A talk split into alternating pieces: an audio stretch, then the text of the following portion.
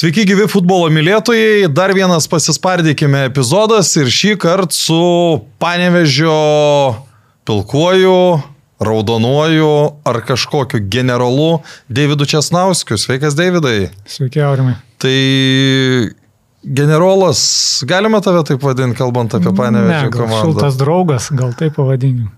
Nežinau, geras draugas, kuris, kuris prisidėjo ženkliai, sakykime, prie, prie, prie tokio sėkmingo sezono ir ne tik, nes bendravimas vyksta jau trys metai. Tai a, šitas sezonas gal buvo daug a, lengviau iš mano pusės dirbti, nes buvo atvestas treneris Žino Lietėris, su kurio a, selekcija, supratimas, kokių žaidėjų reikia, vyko daug, daug sklandžiau, galima sakyti. Taip. Pasakyk atvirai, ar kai buvo sukomplektuota komanda, tikėjai, kad jį gali nuversti Vilniaus žalgerį? Aš nuo pat pradžių, kai atėjau ir bendraut, kai pradėjom su Panežiu, e, kuriam žmogui esu labai dėkingas, tai Broniui Vaitekūnui, e, kuris pirmas patikėjo, tai aš pasakiau vadovom ir, ir, ir Broniui tada pasakiau, kad nu, tikslas čempionai. Mano tikslas irgi čempionai, turiu ambicijų, noriu padaryti, prisidėti, kiek įmanoma geriau savo, savo, savo žiniom, savo kontaktais ir kažką nuveikti gero. Bet ar taip greitai? Nu, mes taip- ka- kalbėkim apie sezono pradžią arba dar praėjusio sezono pabaigą. Žalgeris uždirbo Lietuvos maštabais beproto daug pinigų. E, Aišku, jeigu ne tos premijos, ten žaidėjų įsigijimas, bet nu, vis tiek, kad, kad ir yra pasakymas, ne, pinigai dar ne viskas, bet čia atrodė, kad gali būti pernelyg didelis skirtumas tarp Žalgerio ir kitų komandų. Visiškai su tavim sutinku, skirtumas yra didžiulis ir finansinė prasme galimybės pažalgerį buvo visai kitokios. Bet aš tikėjau, tikrai tikėjau, kad galima nuveikti kažką gero. Treneris tikrai, kuris, kur, kurį pavyko išsaugoti po sezono praeito, tai buvo labai svarbus momentas. Ir aišku, reikėjo padaryti tos, sakykime, žingsnius, kurių buvo įmanoma nepadaryti, sukomplektuoti komandą gerą ir tokią, sakykime, ambicingą, kuri, kuri nuveiktų kažką tokio ir laimėtų čempionatą. Čia viešoje erdvėje dabar, e, gal tu pats kažkur sakė, aš dabar taip ne- neradau, sklando tokie dalykai, kad Džino iš pradžių buvo siūlytas Vilniaus Žalgiriui. Tai kai buvau sporto direktorius, ta mano, da, dar tuo metu. ta mano pirma pažintis ir buvo su juo, kai mes pradėjome atrinkinėti a, sąrašą trenerių, kuriuos norėtume matyti Vilnių Žalgirį. Tai tas, ta, ta pažintis su Džino Literiu ir tada įvyko. Bet Žalgiriui tada nereikalingas buvo. Ne, ne tai, kad nebuvo reikalingas, jisai buvo prioritetinis treneris, buvo pirmoje vietoje pas mus a, sąraše, bet, a, bet tada jisai brangiai kainavo. O dabar? Dabar jisai Nu, jeigu palygintumėm su Vladimiru Čiabūrinu, aš įsivaizduoju, jų panašios turėtų būti algos. Sakykime, dabar algos panašios, bet tada situacija buvo kitokia. Tada jisai treniravo Koroną Kelčią tris metus. Ir Korono Kelčias, po Koronos Kelčios, kur atlyginimą jisai gaudavo tikrai nemažą, jo, sakykime, tie expectationai buvo aukšti, dideli. Nu, bet ir šią vasarą jis turėjo galimybę sugrįžti į Lenkiją, ar ne? Juk čia tie gandai ne, ne šiaip savo buvo išlindę. Gandai buvo a, ir gandai tikrai buvo tikri, nes tas pasiūlymas tikras buvo, bet a, bendravimas su juo ir įtikinimas, kad likti čia iki galo sezono, kai komanda eina žygioja pirmoje vietoje, tai tas svertas buvo vienas iš dalykų ir a, kitas dalykas, kad komanda, a, į kurią a, kalbino, tai jinai buvo ant iškritimo ribos. Tai jisai, manau, irgi apsprendė, kad lik geriau čia. Geriau būti su laimėtojų komanda silpnesniai lygoj, negu su pralaimėtojų stipresniai. Mm. Tai ar yra atsakymas, dėl ko panevežys šiemet buvo toks geras? Nu, turbūt ne vien tik treneris. Tikrai ne vien tik treneris, aš tai noriu pasakyti visų pirma, tai ne treneris, ne aš ir ne klubo vadovai žaidžia aikštėje, žaidžia žaidėjai, tai jie nuveikė nuostabų darbą, a, išgirdo, a, klausė, ką treneris reikalavo, darė tai aikštėje ir ne vienas žaidėjas atsiskleidė šį sezoną ir sužaidė geriausią, geriausią sezoną savo turbūt. Su kuriuo, kaip galvoju, buvo labiausiai pataikyta? Na, aš manau. Iš tų naujokų, nes iš esmės prieš sezoną, nu, kai čia mes visi visuose tinklalaidėse spėliojam, kas kokias vietas užims, nu, sakykime, aš tai mačiau, nu, panevežys beveik nieko nepasikeitė. Nu, gal truputėlį turės ilgesnį suolą negu praeitam sezone, bet kad uh, būtų jau tie geresnis negu pernai, nu, neprokur nesimatė. Aš manau, kad visų pirma labai gerus sezonus sužaidė Linas Klimavičius. Jeigu dabar neimam tų naujoko, o paimam tuos senbuvius, kurie buvo. Tai Linas Klimavičius, Jeffris Arpongas, idealus sezonas irgi. Tai tie vedantys žaidėjai, jie buvo atrama prie tų, kurie prisijungė. Ta, ta rotacija buvo reikalinga, rotaciniai žaidėjai, kaip tu sakei, suolas, kurio principė dar iki vasaros mes jo tokio kaip ir gero neturėjom, nes sakykime, nepavyko, nepavyko Marko Tomičiui, iš kurio aš labai tikėjausi, kad jisai prisijungs prie komandos ir tikrai tu padėjo. Žalgirį buvo, ar ne? Taip, nes aš jo žinau charakterį, žinau kaip žaidėją, ką jisai gali, ką jisai moka, tai tas, tas iš to žaidėjo tikrai tikėjausi daug, bet dėl traumų jisai negalėjo padėti, tai reikėjo keisti, nusitraukti kontraktą ir atvesti kitą žaidėją. Tai va aš galvoju, kuris žaidėjas įsilėjo nuo vasaros labai gerai ir kuris buvo atrama gynyboje, tai buvo Dubra. Pataikėte, ne? Taip, taip. O tokie žaidėjai vis tiek, jis nu, ne pirmo pigumo žaidėjas, jos tokius iš Latvijos lengva, lengva yra atsivežti ar ne? A, žaidėją nėra lengva atsivežti, jeigu jis ten žaistų pagrindę. Jeigu jis ten būtų pagrindo žaidėjas, jis šiandien nežiūrėtų. Tuo metu jisai pusę metų nelošė. Jisai buvo prie komandos, treniravosi, bet jisai negavo šansą iš trenerių. Tai tokį žaidėją tada yra lengviau pasikviesti pas save ir už mažesnius pinigus. Pijau Širvė fenomenas e, prieš sezoną vėlgi gandai, pasakysi teisingai ar ne, kad e, Džino Letieriui nereikalingas Pijus buvo prieš sezoną. Aš manau, kad tai gandai. Gandai, ar ne? Gandai. Iš, iš, iškart buvo aišku, kad jis turės rolę komandoje. Taip, taip. Ok, panevežys, mes dabar pereisim jau truputį kitą laiką, nes panevežys tavo gyvenime ne pirmą kartą daro svarbius dalykus, būtent ten susiformavai kaip futbolininkas ir 15 metų vaikas išvyksta iš miesto, iš kuršienų kuris e, tuo metu gal turėjo, ar buvo tuo metu komanda kažkurioje lygoje? Kuršienų Venta. Daugėlių Venta ar Kuršienų Venta dabar? Na, Venta buvo, taip, bet nepamenu, ar daugelio vadinasi, ar Kuršienų Venta. Nes tai, kuršienai... bet, bet, bet iš esmės tai nu, nėra toks miestas, kaip imkim Telšiai, Marijampolė, Gargždai, kur vis tiek yra vedantis futbolo. Nu, futbolas visada ten buvo populiaresnis už krepšinį kaip iš kuršienų pavyko 15-mečiam vaikui užaukti, kad būtų pastebėtas panevežė ekrano trenerio? Na, vykdavo tos tarp, tarp miestų, kaip ir vyksta dabar čempionatai, taip ir vyko tada vaikų, vaikų futbolė tie čempionatai ir mes ne, ne vieną kartą žaidžiam prieš panevežį.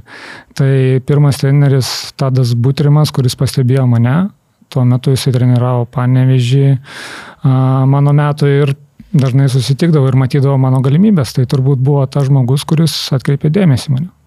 Kaip galvoji, sunkiau pačiam penkiolikmečiam vaikui išvažiuoti iš namų nuo mamos, ar tėvams sunkiau yra išleisti penkiolikmetį vaiką? Laidos pasispardykime remėjai Belmontas, Sibet, Vad Electrical. Aš manau, kad tevam tikrai buvo sunkiau išleisti, kai vaikas auga, tu jau gini iki 15 metų ir jisai, opa, nori važiuoti panežį.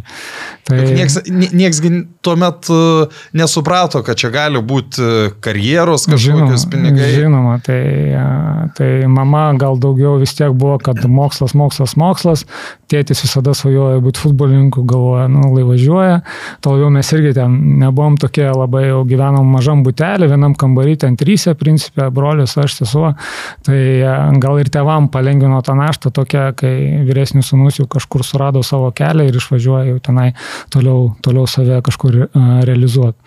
Ar gali palyginti savo išvažiavimą į Panevežį ir į Maskvą, kur, sakykime, čia iš mažo miesto Lietuvos maštabais jau į kur kas didesnį išvyksti ir ten išvyksti iš vis megapolę? Taip, tai tas skirtumas pasijauti iš karto visų pirma ir kalbos barjeras. Tu kuris- visiškai nekalbėjai. ne? A, aš suprasdavau, nes vis tiek ta- tais laikais ta televizija vis tiek jinai buvo, ten Ir žiūrėdavau. rusų kalba gi Taip, rusų mokykloj. ka- mokykloje irgi būdavo, bet, bet vis tiek laisvai kalbėtų šito negalėjai. A, Tai prireikė apie keturių, šešių mėnesių to bendravimo, buvimo toj terpiai komandai, nes ten, kur atvažiavau iš karto apgyvendinimo, mane, mane apgyvendino bazėje ir bazėje ten principė gyveno apie kokie aštuoni dar futbolininkai, tai su jais ir praleisdavau laiką. Rusai. Rusai jaunimas daugiausiai su, su, suvežtas iš, iš regionų. O tu atsimeni, kaip viskas vyko, kada apsi, atsirado galimybė, tavo tuo metu kiek? 19 buvo metų, ne? Išvažiavau 2000-aisiais 18, bet su jo 19 vasarą. 19. Tai kai, kai, kai, kaip vyko visas procesas, kad tu ten atsidūrėjai? Visų pirma, aš ten iki ten, kol atsidurčiau ir priimčiau sprendimą važiuoti tenai, aš pravažiavau kokias 90 peržiūrų. Tai buvo ir Dinamo Maskvoje, Šaktero Donetskė, buvau Lokomotyvė tam pačiam, Dinamo buvau du kartus, Austrijoje buvau a, Salzburgė Berots. Tai, tai teko pravažiuoti, sakau, ne, ne, ne vieną peržiūrą, kol važiavau Dinamo Maskvą, patikau tenai, jie pasiūlė kontraktą, pasiūlė pasilikti ir apsisprendžiau. O tu pats turėjai kažkokių savo, nu, imkim Marijos Tankievičiaus atvejį, kai jis irgi galėjo išvažiuoti į Rusiją, bet jis tuo metu paprašė jo ten neparduoti ir pasirinko Tai, Italiją. tai su Mariu Stankievičiu mes ir buvom tie du. Kur kartu keliaudavo. Visur važiuodavom į tas peržiūras. Tai Dinamo Maskva, sakau, tik šaktioras ten du mėnesiai praeiti mm, peržiūros a, a, ir ten pirmieji išvažiavimai į zborus vadinamus a, a, treniruočių, tai, tai su Mariu viskas vyko. Ir jisai nematė savęs Rusijoje, o man svarbu buvo išvažiuoti. Aš norėjau išvažiuoti, kabintis Kodėl? Lietuvoje. Nežinau. A, tais laikais matydavai pavyzdžius, Davidas Šemberas išvažiavo, išvažiuoja kiti ir, ir vis tiek ta kryptis dažniausiai būdavo Rusija, Ukraina, nes ne vienas futbolininkas pro Rusiją pravažiavo, lietuvis ir...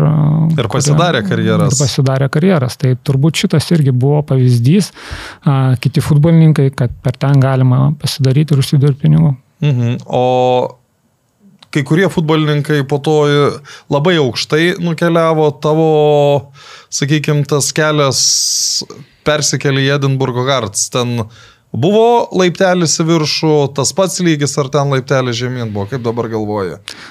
Galvoju, kad, kad sprendimas buvo teisingas, nes lokomotyvė tada aš gaudavau laiko ne per daugiausiai. Nu, kažkurį sezoną gaudavai. Aš tik vienus metus buvau. Tai okay. tą sezoną mes tapom čempionais. Ir mano pozicijoje žaidė Maratas Izmailovas rinktinė žaidėjas. Tai nu, konkuruoti buvo man sudėtinga. Ir kai trenerio paklausiau, kai turėjau pasiūlymą važiuoti Hartus ar ne, a, tai trenerio Siomino tada paklausiau, ar mato mane pagrindę ar ne. Ir jisai pasakė, kaip ir praeitam sezone, 50 ant 50 priklausys nuo tavęs, tavo spręsti ar važiuoti ar ne.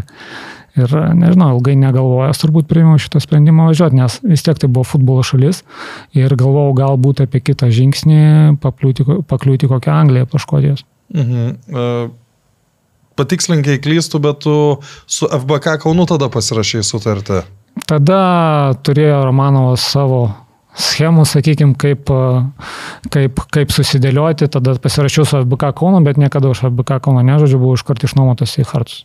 O, o kodėl tai, dėl ko tai buvo? Nekilo klausimų tavo? Na, aš kaip įsivaizduoju, tai susijęs su mokesčiais. Mhm. Ir tu kažkiek tų pinigų net gavai dar iš FBK Kauno. Nemaža suma. Bet šiaip tau šiuo klausimu nesisekė karjeroje, ne? Taip, šiuo klausimu buvo tikrai bedelių ir, ir Esi, viena. paskai, Ir ne, esi paskaičiavęs, kiek pinigų, ne, no, uždir, kiek uždirbtų pinigų netekai? nu, tai tik trys klubai, kurie neatsiskaitė, tai čia lengva paskaičiuoti. ne? Tai lengva paskaičiuoti. Tai kas buvo, Harcai netidavė Harcai, Aris Salonikai ir a, Azerbaidžanas buvo. ir ten dar liko. Taip, Tai beveik vis, visur, kur buvai. panašiai. Mhm. e, Bet kokiu atveju turbūt teigiamų dalykų iš Škotijos parsivežiai labai daug. A, Patirtis tikrai, tikrai buvo superinė, laimėta antrą vietą, laimėta taurė. Apskritai, pradėkim nuo, nuo, gal, nuo pradžių, kada tu gyveni ten milžiniškoje Maskvoje, kur ten visi šalti žmonės, niekam niekas neįdomu ir persikeli į tikrai tokį jaukų Edinburgą, kuris, kiek, vis tiek gerokai mažesnis, gerokai smagesnis. Kiekvienas tas etapas toks perėjimas į kitą šalį vis tiek užtrunka adaptacijai. Tai tas, užtruko tavo, ne? Užtruko. Vis tiek tu buvai jau kiek pragyvenęs keturis metus Rusijoje, viskas to buvo įprasta tenai, tas ritmas Maskvos ir taip toliau. Tai e, ir draugai, ir tas draugų ratas vis tiek tu užgyveni e, būdamas ilgesnį laiką. Ir kai pervažiavau į Edinburgą, vėl viskas nauja, vėl nauja kalba, nes ten, nu, kiek ir suprasdavai tą anglų kalbą, bet ten ne anglų kalba, ten yra škotiška kalba, principė. Nors kalba angliškai. Bet, žemaitiška. E, taip, žemaitiška, tai suprasti irgi buvo iš pat pradžių labai sunku. Bet paskui vienas kitas lietuvis atvažiavo atvažiavo Mikoliūnas jau buvo, kai aš atvažiavau, tai ta tokia lengviau buvo adaptuotis prie visos komandos. Jūs atgerų Jankausku buvot kambariokai. Buvom. Naujus metus sutikom ir kitą dieną žaidėm su Celtiku 12 val. dienos. Tai kas per nauji metai? Ar tau, pavyzdžiui, tau asmeniškai yra svarbios tokios šventės, kad čia jau, jeigu jau nauji metai, tai nežinau, ar Velykos, ar kas, tai čia jau... Tai vad, kad suprasti, ten futbolas yra religija. Tai jiem yra futbolo šventė. O nauji metai turbūt, nu, pasikeitė kalendorius ir tiek nauji metai.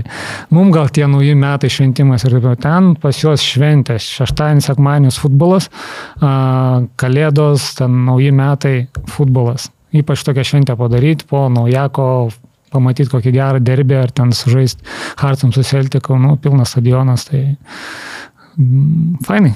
Tai, kai, tai kaip atrodė ta gruodžio 31? Gruodžio 31 buvo viešbutį, kambarį, pavakarieniavom. Tankeslę žaidėt ar iššūkį? Tankeslę. Tankeslę žaidėm ir, sakau, atsigulėm, pasijungiam teliką su Edgaru ir, ir sutikom tos naujus metus prie teliko. Žinutės kažkur dar atrašiai kažkam, kas sveikino artimiem žmonėm, draugam ir viskas. Nes turėkime omeny, kad pas jūs dar tik 10 valandų buvo, kai taip, čia jau Lietuvoje nauji metai, ne? Taip, taip. Kas dar iš tokių vat, tokių keistesnių dalykų yra įstrigę iš Škotijos? Keistesnių dalykų, nežinau. Romanovo ten, aišku, tie visi, tie visi dalykai. Nu, bet tik jis mylėjo futbolininkus, jis trenerių nemylėjo. Jisai trenerių visiškai nemylėjo, tą, tą pripa, pripažįstu ir aš, su futbolininkais, su juo man, man pavykdavo sutarti, būdavo, kad vėluodavo atlyginimą ir ką aš jam skambinu, kalbuosi. Tiesiogiai, ne? Tiesiogiai skambinu, kalbuosi ir šitą, šitą dalyką išsireikalaudavau. Kaip, kaip vykdavo tarp jūsų bendravimas? Geri santykiai tavo su juo buvo? Geri santykiai. Tikrai geri santykiai buvo, kol, kol, kol neatsirado pas mane traumos. Tai tada du metus, principė, aš praleidau su traumom ir, nu, ir pas jį turbūt irgi tas nebuvo verslas ar tas požiūris į futbolą ir keitėsi aplamai tenai su Edimburgu pas jį situacija. Rūkio banko, metai, taip, rūkio banko ta visą. Nu, čia pasaulinė krizė. Taip, taip, tai po to, po to, aišku, tie santykiai nutrūko. Dar, dar bandžiau kontaktuoti su juo, nes ta skola vis tiek buvo likusi, kurią turėjo man išmokėti, bet, bet jau nebebuvo ryšio.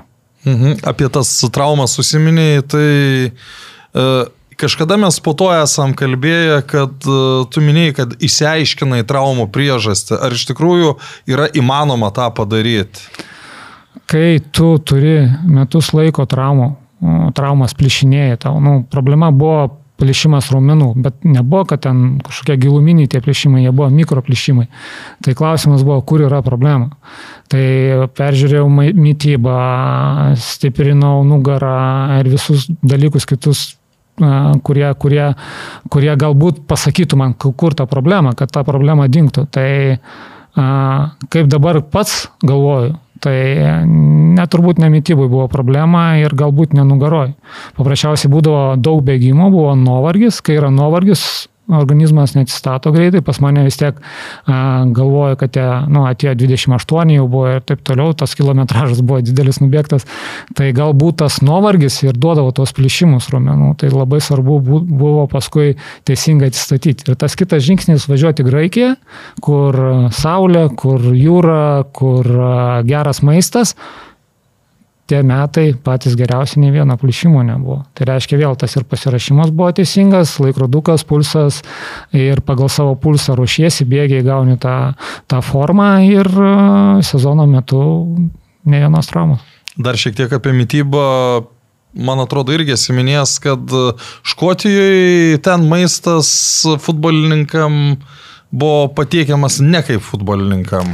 Taip, ten ta bazė, kuri buvo, nu, ten tas maistas nebuvo pats toks Sveikiausias. sveikiausias, taisyklingiausias, bet, bet ir grįžtant prie traumų, tai ne vienas aš toks buvau, buvo ir Barasa, buvo ir pas Jankauską, buvo ir pas kitus žaidėjus su, tom, su to raumenynų problemos.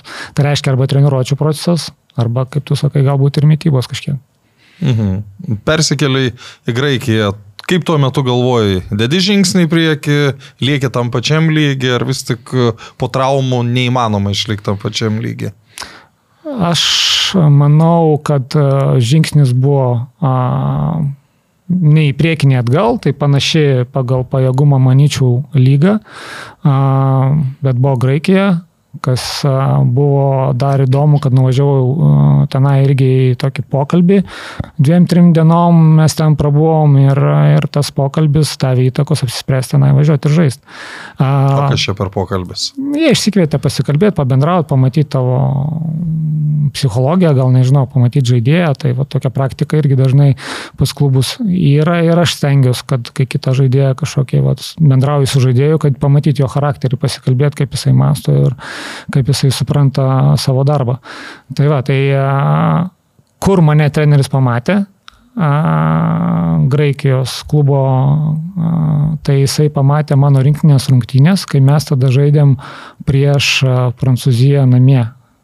0-1 turbūt. 0-1 pralaimėjom, tada Ribery įmušė įvartį ir tada Kuseiro buvo treneris. Kuseiro a, dieną prieš, dieną prieš iki rungtynių ateina prie manęs ir sako, aš tave rytoj noriu matyti dešinių gynėjų. O tu nežaidęs dar tu. Gyvenime nežaidė šitoj pozicijai. Ir sako, aš noriu toje matyti. Sakau, bet trenerė, aš ten nežaidęs. Sakau, mano nauja pozicija bus. Sako, man nesvarbu, aš tavim tikiu. Sako, aš matyčiau tave rytoj toj pozicijoje ir sako, man reikia, kad ir beri nieko nepadarytų. Tai principė, pirmas kelnys buvo labai geras, kas liečia iš mano pusės, tai Ribery tam krašte tikrai a, buvo aktyvus, bet a, labai daug kažko nenuveikė. Tai antram kelnį patraukė jį į vidurį ir principė įvartis krito iš a, vidurinės dalies dalies. Aš kiek atsimenu tas rungtynes ten antro kelnio pradžioje dar Danilevičius įmušė įvartį, kur aš iki šiol manau, kad ten buvo švarus įvartas. Atsimeni tą situaciją? Taip. Kaip tau atrodo? Manau, kad jo, aš nemačiau iš tikrųjų pakartojimo. Aš daug, nu ten taip aišku, šimtų procentų neižiūrėsi, bet ten ir pažangos neižiūrėsi niekur. Mm. Gaila, būtų, būtų kitokia galbūt. Kitokia istorija, baigtis ne? galbūt, jo, nes iš tų rungtynių gali atsiminti, ten žaidė Henry, Nasry, Ribery, ten užvaždynas Nu, visas. tai ten Jevra, tai... Bartezas vartose dar ar ne? Man atrodo, va, šito nepamenu. Bet, nu, ta prasme, pakelia akis, gauni kamolių, pakelia akis, nu ir tą visą vaizdą matai, žinai, kur, va.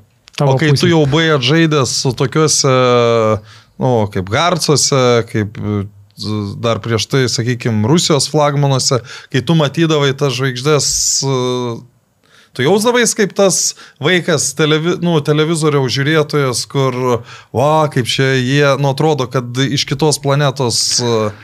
Ar, ne. ar, ar jau vis tiek? Jau vis tiek buvo įprasta, tam vis tiek aukštesniam lygiai, kai žaidėjau, jau, jau tau atrodo, įpra, atrodo įprasti šitie dalykai. A, aišku, kai važiuodavai rinktinę, vis tiek rinktinėse jau susitikdavai su didesniais grandais. Tai kaip pavyzdžiui, va, tas, tas įspūdis, kuris yra išlikęs, tai su italais 26 metai, kai Napolio, Napolio mieste žaidėm prieš pasaulio čempionus. Tai, Tai rezultatyvus perdavimas. Rezultatyvus perdavimas, geras rezultatas, vienas, vienas, nu, tokia euforija, tokios ekstazės, nu, vat, linkėčiau visiems futbolininkam patirti kažkada ir, ir turėti savo gyvenime. Aš galvoju, kad tai buvo, šiaip dažnai po tų tokių geresnių rungtynių mūsų šalyje prasidėdavo futbolo atgimimas e, spaudoje, visur kitur. Tai man atrodo, kad tas kartas buvo vienas didesnių, kai jau visi kalbėjo, nu jau dabar tai tikrai atgims futbolas, jau čia į Europos pasaulio čempionatus važiuosim ir panašiai. Buvo gera karta, iš tikrųjų buvo gera. Jo, bet ar jūs patys taip o, tikėdavot, kad realu užimti pirmą, antrą vietą grupėse? Ar vis tiek suprasdavot, nu, kad nu, yra stipresnės komandos? Ne, suprasdavai, kad yra stipresnės komandos ir ypač nežinau kodėl, bet prieš tas stipresnės komandos lietuviai dažnai gerai sužaisdavo. Nu, to prasme, nebuvo, kad ten laimėdavai ar ten a, a, kažkaip dominuodavai labai, bet ta prasme, motivacinė prasme, galbūt prieš geresnius žaidėjus, ypač tai galbūt tą rinkinį ir motivuodavau. Nežinau, vat, būdavo, nu, pavyzdžiui, vienas vienas su italais ir paskui tu žaidži ten pralaimi Foreram. Nu, tai vėl tave maišo tenai ir sirgalius, ir, ir, ir visi, žinai. Tai gaila tokių rungtynių, kur, nu, atrodo, tu turi laimėti. Nu, turi laimėti prieš Farerus, ne, rinktinė. Tais laikais, to labiau su tas. Tai taip. Nu, tai... Į, įvertinus tų laikų Lietuvos rinktinės ir Farerų rinktinės taip, pajėgumą. Taip, taip. O tavo karjeroje, jeigu jau čia pereinam šiek tiek prie rinktinės gyvenimo, buvo ir uh, tokios liūdnesnės rungtynės su Islandija. Tai čia aš, mano pirmi žingsniai. Aš, pavyzdžiui, kai tu esi toks ramus žmogus, aš nesuprantu, kai, kai, kai, kas turėjo įvykti, kad tu užsidirbtum ten raudoną kortelę. Antroji minutėje iš galo man įvažiavo su... Stipriai, ar ne? Stipriai su šapais vadinamais tais. Tai ten paliko dvi drūžės, tokios per visą galinę dalį. Tai ta reakcija, kai 20 minutę vėl į tave eina, jinai buvo automatinė. Nežinau, aš negaliu paaiškinti, kodėl tai padariau dabar. A, galiu pasakyti, kad... Nu, Kiek tau reakcija, metų buvo primink? 20 gal. Aš 20, nepamenu, 20 metų, aš tik, man ten vienas iš pirmų rungtynių mm -hmm. buvo. A, Zelkevičius tada, man atrodo, buvo treneris. Gali būti. Ir po to rungtynių, man atrodo, jie atleido. Tai, Tai aišku, rezultatas 0-0 ir jaunas žaidėjas padaro tokį, tokį dalyką, nu, tai normalu, kad ten, kad ten jaučiausi labai blogai iš tikrųjų po šitų rungtynių, atsimenu, kaip ir dabar Rubinėlė ten principė praleidau visą laiką, galvodamas, kalbėdamas, kalbėdamas ten su aukščiausiam jėgom, kodėl, kodėl man tai įvyko. O šiaip kaip, kaip vyksta paskui pokalbis su komandos draugais, nes tie vyresni, nu, aš tikrai nemanau, kad jie buvo patenkinti tokiu veiksmu, kad čia atėjo ir sugadino, nu vis tiek, čia jau yra kenkimas komandai. Taip, sutinku visiškai, taip daryti negalima ir šita buvo pamoka man iš tikrųjų gera, bet nebuvo ten kažkokios pagėžos ar kažkas prieitų pasakytų, ką nors tikrai kažkokio, kažkokio iš senbuvių, tu sakykime, patyrusių žaidėjų nesulaukiu kažkokio. Kiek tu po to raudonų kortelių per, per karjerą gavai? Tokių situacijų daugiau neturėjau. Bet trakose, Bet, man atrodo, už dvi geltonas. Trakose, ne, trakose gavau a, jūs, kai, kai... šalkūnės, kai tenai paskutinę minutę. Utenoji. Atsistumiau jo, bet neatsimenu dėl ko, bet irgi ten Čiapas tada treniravo, jisai mėgsta tos geresnius žaidėjus, kur mato, kad gali padaryti kažkokį rezultatą, tai atsimenu visas rungtynės, vienas bišas pastoja prie manęs bėgiojo. Tai ten paskutinę minutę rezultatas blogas, mes, man atrodo, ten pralaimėjome. Arba ly lygų gal. Ar lygios buvo, kur tikrai reikėjo laimėti ir ten nu, vėl ta reakcija tada. Ir dar ten teisėjavo Šiaurės Airis, gal ten, ta prasme, ne Lietuvos teisėjas. Buvo. Taip, taip, taip, ten tie mainai, kai vyksta, tai ten dažniausiai ta tų tie tiesiai netvažiavo labai geros turbūt repu, reputacijos. Ta. Na, nu, sunku pasakyti, čia yra... Kokybės, nes kiek aš, nes vat ir su Žalgiriu, kai buvau sporto direktoriumi, teisėjavo, atvažiuoja. Teisėjavo, teisėjavo, nepamenu, kas irgi teisėjavo, mainai buvo susūduvo. Tai ten, nu, įmušėm įvartį, buvo, nebuvo ten nuošalės net arti, bet pakėlė nuošalę. Čia Latvijai teisėjavo. Latvijai teisėjavo. Mhm. Nusakau, kai tie mainai vyksta, tai vėl kokios rungtynės svarbos yra. Tai tos, pavyzdžiui, Žalgiriai ir Suduvos rungtynės jos buvo labai svarbos. Dažnu atveju, kai teisėjas nepažįsta žaidėjų, tai yra privalumas, bet kažkuria prasme tai yra ir neigiamų dalykų. Tai vat, tų blogų pavyzdžių, kai atvažiuoja ten iš kitų šalių, nu tikrai yra ne vienas, ne du, ne? E, baigęs Graikijos etapas, tada Azerbaidžiano etapas. Ten, įsivaizduoju, jau tik pinigėlio važiavai pasimti. Ar nelabai ne, ne, ne, ne buvo pasiūlymų, kur važiuoti? Iš tikrųjų, nelabai gal buvo pasiūlymų, kur važiuoti, nors iš tikrųjų po Ariso tikėjasi, kad bus, kad bus tikrai tų pasiūlymų daugiau, bet nu, vis tiek, kaip ateina tau 29, 30, tų pasiūlymų gerų, kur norėtum važiuoti geresnį jau lygą. Milanas ne, jau niekas nebepasiūlys, tai tu jau supranti, kad va, turi pasiūlymą, tu arba įmį ir važiuoji, arba dar lauki ir galbūt grįžti į Lietuvą. Tai tokių pavyzdžių turbūt yra ne vienas ir, ir tą pirmą pasiūlymą sulaukęs priėmiau. Nu ten finansiškai tai turėjo geras būti pasiūlymas.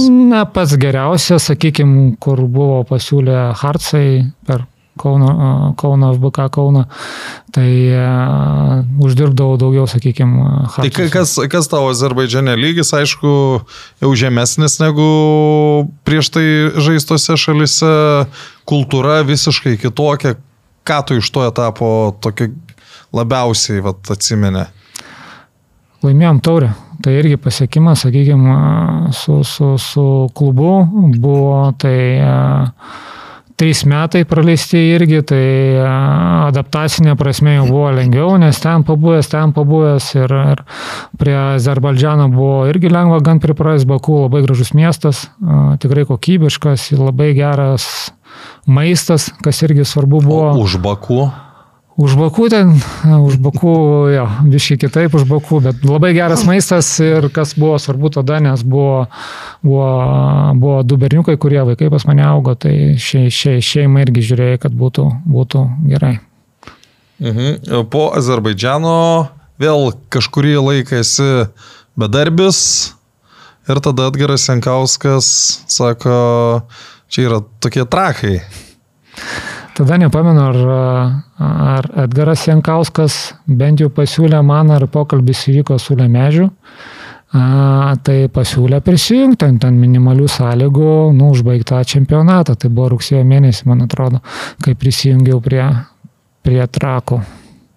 Tai va, tai ir pradėjau žaisti. O tu dar tuo Lietuvoj. metu tikėjai, kad gali kažkur išvažiuoti. Kai jau nusprendžiau žaisti Lietuvoje, jau, jau tikėjimo mažai buvo, kad kažkur į užsienį dar išvažiuosiu. Mhm. Nu ir e, viena pirmų patirčių buvo legendinės rungtynės Kazlų Rudoj. Šiandien pasižymėjau citatą tavo. A, Tai surasiu. Mm. Taip, po 15 metų nemačiau nieko panašaus, nenoriu, kad tai skambėtų kaip pasiteisinimas, nes komanda pralaimėjo, tačiau jei norime kelti Lietuvos futbolo lygį, tokiuose aikštėse žaisti negalima. Tai kultūrinis šokas turbūt po visų Edinburgų, po, nežinau, Rusijos čempionato stadionų grįžti Kazlų Rūdą. Jeigu nebūtumėm pralaimėję, gal nebūtų taip skauda. Iš tikrųjų buvo ir šokas, ir skauda, ir viskas viename susidėjo po šitų rungtynių norėjusi, nežinau, gal ir baigti tą karjerą, gal nebegrįžti tą Lietuvą, dabaig galbūt ir tą sezoną ir viską. Nes, nu, ta prasme, į tą kazlų rūdos balą, kur tu atvažiuoji. Principė rūbinės buvo mokykloje dar senoje, nežinau, ar pas mane net, kai aš pradėjau futbolininko karjerą, ar buvo tokios rūbinės, bet ten tokios rūbinės, kur mes rengiamės. Na, Kur ten, Penkias ten, minutės- ten net visa komanda, Ten, nu, ne, Negalėjo, jo, tai ten iš pradžių persirengė tie 11, kurie paskui sėdome į autobusą, dar ten 5 minutės važiavome iki tos vadinamos aikštės ir, ir, ir teko ten žaisti. Ir dar su tokiu rezultatu, tai, nu, su... Nu, Čia aišku, te, teisintis nu, negalima, Ne, kad tuo metu viena geresnių A lygos komandų pralaimi. Tai aš ir nesiteisinu, bet esmė ta, kokiuose sąlygose tai buvo. Aš nesakau, kad mes, a, aš teisinu tą pralaimėjimą. Ne, mes ir tokioj baloje turėjom laimėti. Nu, ir tikrai ten tokių progų buvo, kur mes privalėjome mušti ir laimėti šitas rungtynės. Bet nu, ne mūsų diena nesisekė ir toj baloje, aišku, buvo sunkiau žaisti, tai būtų geresnė aikštė, aš manau, būtų kitas rezultatas. Bet ar po, po tų rungtynių pasikeitė kažkoks tavo požiūris, kad čia, nu, irgi reiks žaisti, nebus taip, kad čia grįžau žvaigždė ir e, vieną koją ten visus a- aplošinėsim. Ne, pas mane ir tas charakteris turbūt toks yra, kad aš a, nieka- niekada negalvau, kad aš čia kažkokia žvaigždė ir aš čia grįžau dabar a, a, žaisiu vieną koją. Ne, pas mane šito nėra, išėjau, aišku, tas tarpas buvo nuo mano, sakykime, paskutinių rungtynių tai buvo gegužės mėnesį ir rugsėjo mėnesį aš jau turėjau grįžti ir žaisti. Tai buvo kokie keturi mėnesiai be treniruočio. Tai su, suprantama, kad aš nebuvau pasiruošęs maksimaliai a, rodyti savo gerą formą. Tai va, tai tos rungtynės irgi nebuvo iš mano pusės pačios geriausios, bet paskui, jeigu nu, įsivažiavau ir užbaigiau sezoną gan gerai. Jo, pati pabaiga buvo likus dviejoms rungtynėms, ten irgi buvo labai įdomus metai, ten galėjo trakai būti ir antri, ir penkti, buvo rungtynės pakruojėje, kur iki 93, man atrodo, minutės buvo rezultatas 2-1 ir kruoja išlygino. Ir paskutinės rungtynės buvo LFF stadione, kai buvo minus 11 laipsnių ir jutiminė, man atrodo, dar buvo žemesnė, nes nu, ten- beproto šalta buvo. Tai kuris variantas e, jau pažaidusiam žaidėjui ir grįžus į Lietuvą yra priimtinesnis? Pakruojo stadionas su savo įžymiaisiais takeliais, ar vis tik uh, stipriai minusinė temperatūra, kur nu, nu, sunku turėtų būti žaisti? Pasirinkčiau stipriai minusinę temperatūrą, bet žaisti ant geresnės aikštės. O koks jausmas tada, kai yra ta tokia, nu, tu atsimeni tas rungtynės su Dainava? Mm, pas, su, su Kruoja tikrai atsimenu, dabar su Dainava ne per labai. Nu, ten, ten atsimenu, kad buvo labai nulis... šalta, jo, bet rungtynė eigos nelabai atsimenu. Nu, ten vienas nulis baigęs, bet, nu, ten būti net stadione ten buvo. Atsimenu, kad buvo labai šalta, net neatsimenu prieš ką žaidėm tas paskutinis. Jo, prieš Alitaus Dainą. Tuo metu prieš silpną, nu, pakankamai mm. silpną Alitaus Dainą. Su Kruoja tikrai tas rungtynės atsimenu, kur ten paleidom pergalę. Mhm. Svarbi labai. Yra dalykų, dėl kurių gaila, ko nepavyko padaryti su trakais. Kad net, net netapom čempionais, tai tikrai buvo pas mus gera komanda, tikrai. Metų, saugų grandis tai buvo tuomet. Saug, saugų grandis, polimas irgi ten atrasom, saugai, kraštiniai irgi būdavo geri, gal kažkur gynybos linija, kažkur gal kažkur. Bet irgi buvo tai Linas, visumo, tai Arūnas. Jo, tai visumo tikrai būdavom ta konkurencinga komanda kur galėdavom konkuruoti su žalgeriu. Tikrai būdavo rungtynių, kur nu, ir dominuodavom prieš Vilnių žalgerį. Mhm. Tai čia yra didžiausias nusivylimas. Nusivylimas jo, kad galbūt galėjom kažkur padaryti daugiau, kažkur neprarasti svarbių taškų, kad uh, laimėti čempionatą. Bėgo metai ir kažkada nusprendėjai, kad karjerą baigsi 37. Kodėl? Visų pirma, tas amžius, aš suprantu, jau artėja, kai trim septyni, trim aštuoni. Nu, kodėl ne, ne, ne, ne 30, nežinau, čia kai... Tai gal paimkim tą vidurkį, nu, dažniausiai futbolininkai žaidžia iki 30, nu, tai 35 galvoju, nu, dar Lietuvoje su savo, sakykime, galimybėm, nu, iki 37 galėčiau žaisti. Plus, plus mano skaičių 7, žmonos 3, nu, tas toksai simbolinis 3-7, nu, galima, galima būtų ir užbaigti tą karjerą to, to, to skaičių, bet iš tikrųjų pagal savo fizinę galimybės, kaip jaučiau, jeigu jam, jam at mane ten į svorio kažkokio nu, tai neturėjau. Dabar galėtum turbūt žaisti. Ir dabar galbūt galėčiau žaisti, bet nu vis tiek tie klubai pas mane buvo sudėlė ir aš tą turėjau jau problemą, kai Azerbaidžiane žaidžiau.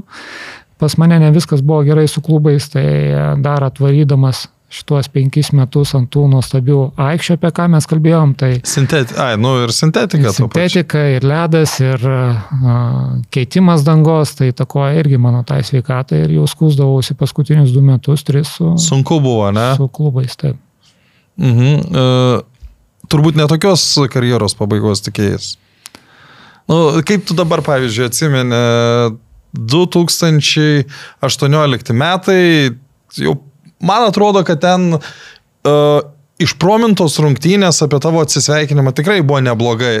neblogai. Ir uh, aš dabar žiūrėjau filmą apie Paulių Jankūną, kur uh, jo paskutinės rungtynės Eurolygoje ir ketvirto kelnio vidurys jis dar ne minutės nežaidęs aikštėje, nors komanda paskutinė Eurolygoje ir ten nieko nelėmė, bet treneris dar neleidžia. Nu, ten galiausiai išleido, nes ten jiems nieko nelėmė, vis tiek tą sezoną Žalgiris buvo paskutinis.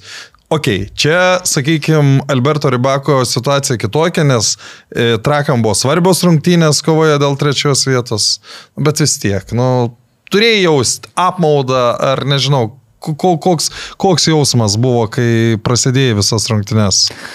Apmontas biški buvo, nes vis tiek atidavė penkis metus šitam klubui. A, tikrai atidavė daug savęs. Kaip bebūtų, mm, net nepamenu, kiek rungtynių sužaidęs, bet... Nu, tarp šimtukininkų esi. Taip, ir šimtukų. Iš nedaugelio, net net dešimt žmonių nėra. Ja. Dešimtuką pagal sužaistas rungtynės tikrai. Tai bent jau, bent jau tas dvi minutės, kaip tas legendinis uh, interviu su Saboniu, bent dvi minutės galėjo išleisti į aikštę, bet, uh, bet uh, suprantant galbūt uh, ir Rybako tą mąstymą, koks jisai treneris, koks jo charakteris, tai manęs nenustebino tas jo sprendimas. Tai uh, toks komentaras buvo nuo suolo Tai eik, kaip pats pasikeisk, neklausyk trenerio, sako, nu, tai komandos draugas toksai patyręs irgi. Tai Laidos pasispardykime remėjai - Belmontas, Sibet, Vad Electrical. Tai buvo Biliedinovas, man A, atrodo. okay. e, tu tais paskutiniais karjeros metais jau bandėjai padėti treneriams, savotiškas, nežinau, asistentas, ar galima taip sakyti? Prie Padėjėjas. Kybo Vikūnė, tas buvo a, treneris Kybo Vikūnė, ispanas, kuris buvo atėjęs, tai aš jam padėjau su, su individualiom. Bet čia tas pats, tas pats sezonas buvo, paskutinis. Taip, taip, tas paskutinis sezonas, kai ten treneriui reikėjo pagalbos, tai aš manau, e, tas, kodėl... tas pas mane irgi toks apsprendimas, ką toliau darysiu, tai norėsiu dar prisidėti prie klubo kažkokio papildomos veiklos. Kodėl mes dabar tave žinom ne kaip trenerį Davidą Česnauskę? Todėl, kad pasirinkau kitą kelią.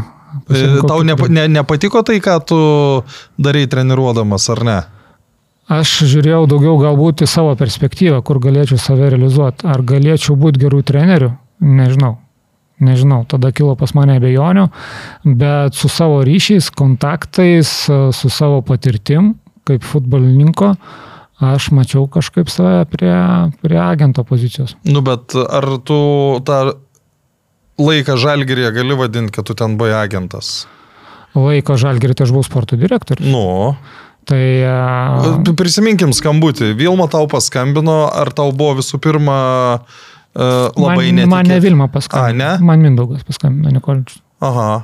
Nebuvo Ir taip, kad pakvietė į susitikimą tada. nebuvo labai netikėta. Buvo netikėta, iš tikrųjų buvo netikėta. Nes, nu, aš, aš šviesiu. Siek.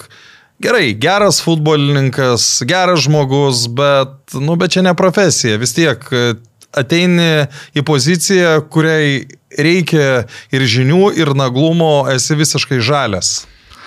Sutinku su tavim, tikrai a, bijojau šito darbo, kai man pasiūlė, bet, a, bet priėmiau šitą iššūkį. Ir kaip dabar laikas rodo, galbūt dar nebuvau vertas būti žalgerį Vilniaus kaip sporto direktorius. Ir su tavim šito sutinku, nes buvau žalės, tik tai baigęs karjerą, nužengęs nuo aikštės ir gaunant tokią, tokią, tokį pasiūlymą, e, turi suprast daug dalykų, turi išmokti daug dalykų. Tai yra ir kontraktai, tai yra dėrybos, tai yra a, daug dalių, kurių, kurių tu padarai, išmoksi per praktiką. Tai šito aš neturėjau, ir, bet aš turėjau gerą pagalbininką, manau, protingą žmogų, tai Deividą Šemberą šalia. Ir žinoma, Vilma pati prisidėjo, kiek galėjo, mokydama, aiškindama, kokius sprendimus reikia priimti vienam ar kitam epizodui. Ir kai jau išmokė, tada jūsų keliai įsiskyrė. Vėlgi toks atrodytų netikėtas posūkis. Sakykime, pirmi septyni mėnesiai jie buvo iki Europos. Jie buvo labai geri. Komanda tikrai buvo a, nebloga surinkta ir mes ten žygiavom šalia Suduvos. Ten a, netgi pirmavom vienu metu prieš Suduvą. A, tai tas etapas buvo iki Europos. Po Europos, kai iškritom, buvo pokyčiai trenerių štabe ką reikėjo keisti, tas sprendimas buvo ir, ir tada, kai jau aišku buvo, kad nebe čempionai, pralaimėjom tada išvyko, man atrodo, prieš Suduvą ir tada pasikeitė. Tas jausmas jau pradėjo ateiti, kad galbūt a, neįvykdėm tų- kaltų, ne? neįvykdėm tų užduočių, kurios buvo iškeltos klubo. Nu, bet čia tu prisėmė kaip, kaip atsakomybė turbūt. Ta... Tikrai taip, aš irgi dalis buvau komandos ir a, ne su ta patirtim, kurią manau dabar turiu, tai tų užduočių neįvykdžiu. Kai palieki tokią vietą, kažkur rasti naują darbą Lietuvos futbole, nėra taip lengva. Nebuvo baisu, kad ką aš čia dabar darysiu. Tai tas kaip palikimas buvo aišku, kada eisiu agento keliu. Ir, a, ir a, kaip ir dabar vat, a, rodo istorija, kad nu, atvi- atviras klubas Lietuvoje buvo panevežys, a, kuris... Tai d- dar kartą mes pradžioje šiek tiek kalbėjom, e, tau paskambino bronius, ar ne? Ar, ar ne, tu aš pats... tada nuvažiavau į kažkokias tai rungtynės, aš pamenu, žiūrėjau kažkokias rungtynės ir susipažinome su juo, susibendravom. Aš jį pažinojau, aišku, jis mane turbūt pažinojo, bet tas susibendravimas, tas šiltumas, artumas, jisai mūsų suvedė ir pradėjom daryti dalykus. Mhm. E, Šiaip agentai turi turėti naglumo, nu, ta vieto naglumo trūksta. Ačiū už pastebėjimą. Aš galbūt tas kitoks agentas. Nuo, nuo širdesnis kitoks agentas, kur nu, stengsiuosi padaryti savo darbą ir stengsiuosi padaryti žaidėjų maksimaliai gerai, galbūt nežiūrėdamas į savo asmeninį interesą. Kaip pas tave patenka tie užsieniečiai žaidėjai? Kaip, kaip, kaip vyksta tas procesas? Tai va čia tas ta uždirbta patirtis Vilnių žalgerį, kontaktinė prasme irgi, nes per tuos metus teko perbendrauti, su manim kontaktavo labai daug agentų iš viso pasaulio. Esi, Kurie patys nori patys, iki žaidėjus. Taip, būtent. Tai per tavo masę, aš neatsimenu net sąrašą, buvau susidaręs po, kai baigiau darbą Vilnių Žalgerį, ten buvo 120 kontaktų per visą pasaulį. Tai tie kontaktai, aišku, dar labiau plėtėsi, bet iš tos masės aš sugebėjau atsirinkti mažytę dalį agentų, su kuriais matau, kad galėčiau padaryti darbus. Bet kas tu esi kaip agento agentas, kaip, kaip įvardinti. Ne, tai nu, čia yra prasme, tarpininkas, tu, gali vardinti kaip tarpi, tarpininkas. tarpininkas. Tai a, arba nu, tu da, pats da, da, tiesiogiai, nu aš dabar tai aišku, per tuos vat, išėjimo metus jau trys metai, kaip dirbu, kaip, sakykime, tarpininkas, agentas, konsultantas, kaip mane nepavadinsi dabar. A, tai per tuos tris metus aš jau užturėjau ir pats tiesioginių kontaktų su klubais, jau a, ne, vienam, ne vienoje šalyje. Ir Italija, ir Graikija, ir Latvija, ir, ir, ir galima ten kitas šalis vardinti, kur jau yra. Nesakau, kad su visais klubais pas mane tie kontaktai, ne, bet yra 2-3 klubai, kur turi tuos kontaktus ir gali ten pasiūlyti žaidėją atitinkamai, jeigu turi pagal profilį. Bet, bet kad geriau daryti darbą ir kad galėtum parduoti, pavyzdžiui, turimą savo žaidėją, kokioje Graikijoje, kaip pavyzdys, nu, ten turi turėti stiprų partnerį, kuris galėtų a, turėti prieimą prie, sakykime, 90 procentų klubų ir suprasdamas ten pasikokia ir informacija, jis man tą informaciją duoda ir aš tada iš savo pusės galiu pasiūlyti žaidėją. Taip yra. Ir... Bet, bet kaip ateina pas tave būtent tas žaidėjas, tai dabar, tai nežinau, jo, tai dabar Sarpongas, yra... tai tavo, ne tavo. Sarpongas, tai aš norėjau jį paimti Vilnių žalgerį. Tai čia tavo žaidėjas. Mano žaidėjas, kuris nu, kaip, kaip, kaip, kaip, kaip atsiranda bendradarbiavimas su iš kažkur futbolininku? Tai yra tokie dalykai kaip partneris. Tai va dabar, sakykime, Graikijoje turiu partnerį, kuris pasiūlė tą patį Sarpongą į Vilnių Žalgirį. Tada tas dylas neįvyko, norėjo jisai tada daug pinigų, prabuvo pusę metus, metus pusantrų be klubo, Aš prisistačiau, labą dieną, turiu tokį pasiūlymą, nori, nenori, aš tave atgaivinsiu, atvažiuok į Lietuvą ir taip toliau. Tai tokia istorija su Sarpongu gavosi, jisai sutiko ir tai jisai atvažiavo į peržiūrą, tada Žuavo Martinsas, nežinau, kai dvi savaitės reikėjo tikinėti, kad paimk, Žuavo, paimk Jeffrey peržiūrą, atvažiuosi peržiūrą, mes nieko neprarandam. Nu ir šitas žaidėjas atvažiavo, iš pirmos treniruotės pamatėm, kad kokybę turi ir pasirašė kontraktą. Tai e, vėl, kai dabar sakykime, pradžia prieš sezoną, kai vat, komplektuoju dabar su, komplektacija vyko su džino, tai aš jau iš džino gavau informaciją, kokio profilio žaidėjų jisai nori, kokio tipo. Tai tos... Bet tau lengva jį suprasti, ko jis nori, nes, taip, nu, aš, nes... Įsivaizduoju, aš įsivaizduoju, kad yra trenerių, kur bando paaiškinti, bet nu, tu, tu nieko nesupranti. Tai va tas darbas, kuris nevyko, glaudus tai buvo su Urbanu, jisai nevyko glaudus. Tai aš tada, nu, ta prasme, tu bendravai su juo, bet iš jo išgirsti, ko tiksliai nori ir kad tau atviras jisai labai būtų, to nebuvo. Ir Nors, visa, pavyzdžiui, kai... Nes jisai nebuvo mano treneris, kuris per mane atėjo į panevižį. O Džino jisai buvo atėjęs per mane.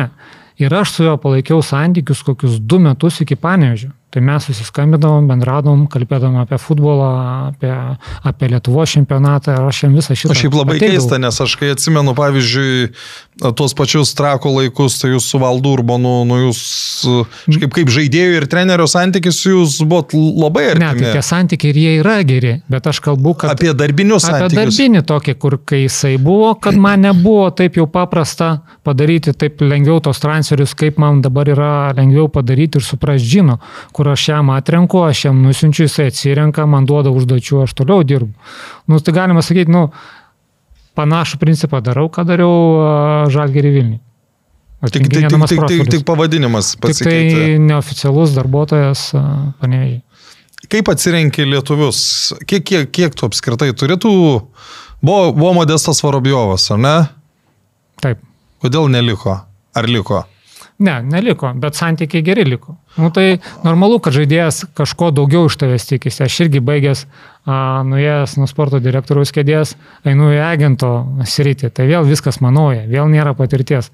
Vėl reikia su tais kontaktais, kuriuos tu užturėjai žalgerį, su jais jau dirbti kitaip, nes jie dirbo su tam kaip sporto direktorium, o tu dabar jau dirbi irgi kaip jų partneris ir tu siūlai to žaidėjus. Tai nebuvo irgi taip paprasta ir nėra plamai paprasta lietuvį į užsienį įtaisyti kokią gerą lygą. Nu, toliau Mes, Gytis Paulauskas tavo, ar ne? Gytis Paulauskas taip. Tai vat, iš nedaugelių, kur pavyko, sakykime, užsienį a, išvežti žaidėją lietuvį.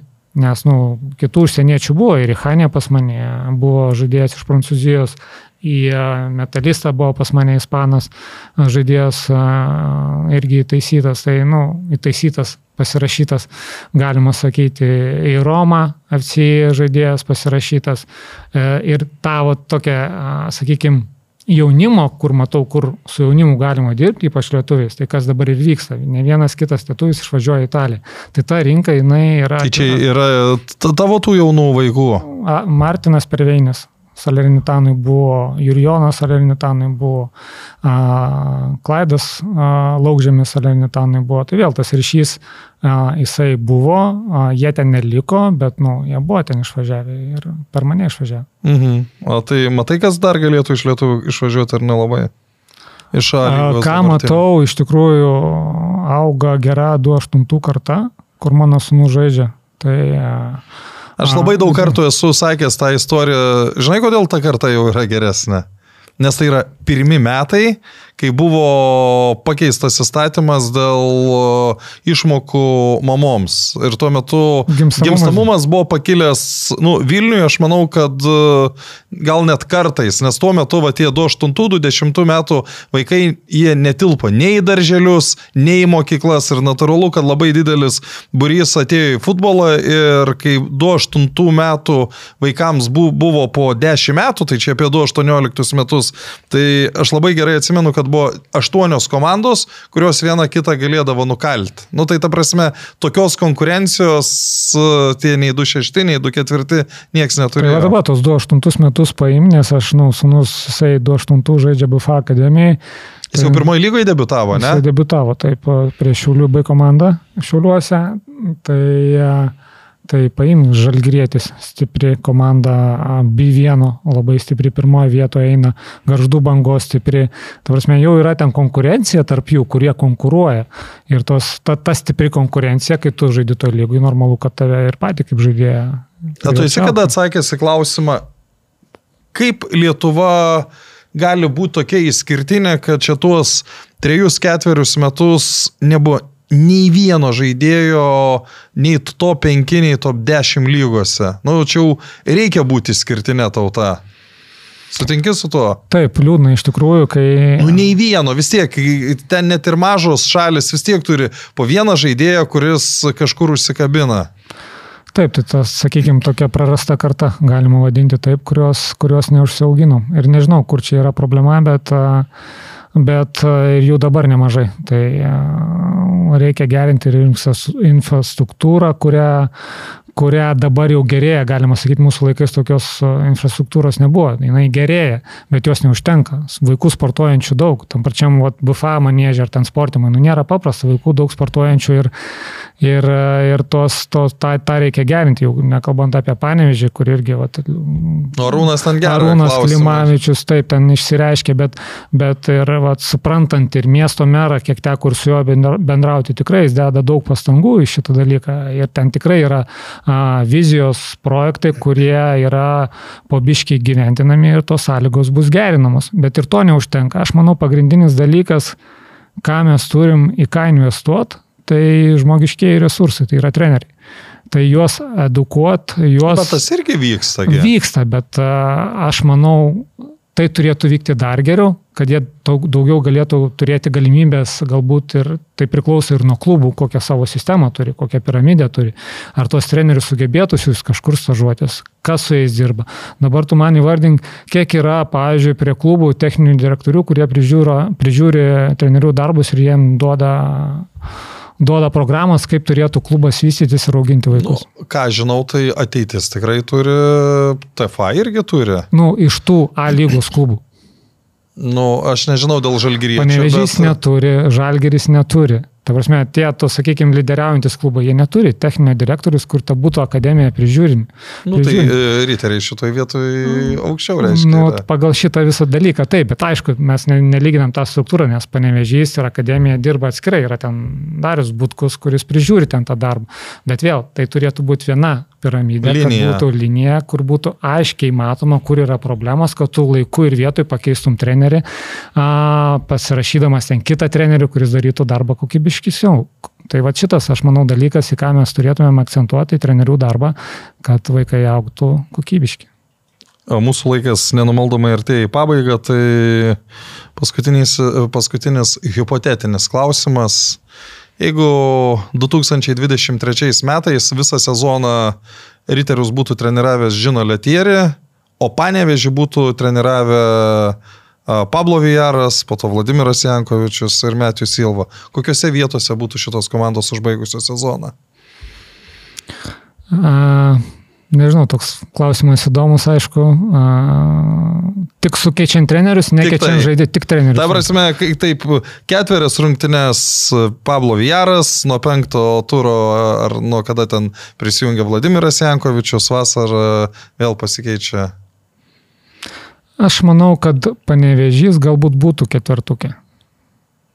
Su, su žaidėjai būtų ištempę. Manau, kad taip. O riteriai? O riteriai būtų. Sudžino. Būtų. Ir su ta komanda. Būtų tikrai išlikę. Vienareikšmiškai. Tai buvo paskutinysis klausimas. Štai ir atsakymas. Aš dažnai sulaukiu klausimų, kodėl, kodėl riterių toks sezonas blogas. Aš neturiu atsakymo, tai va Davidas Česnauskis į kažkuria prasme pasakė. Ačiū už tai, kad apsilankėjai. Ačiū tau. Sybet, lošimo automatai, lažybos, ruletė, stalo lošimai. Neatsakingas lošimas gali sukelti priklausomybę.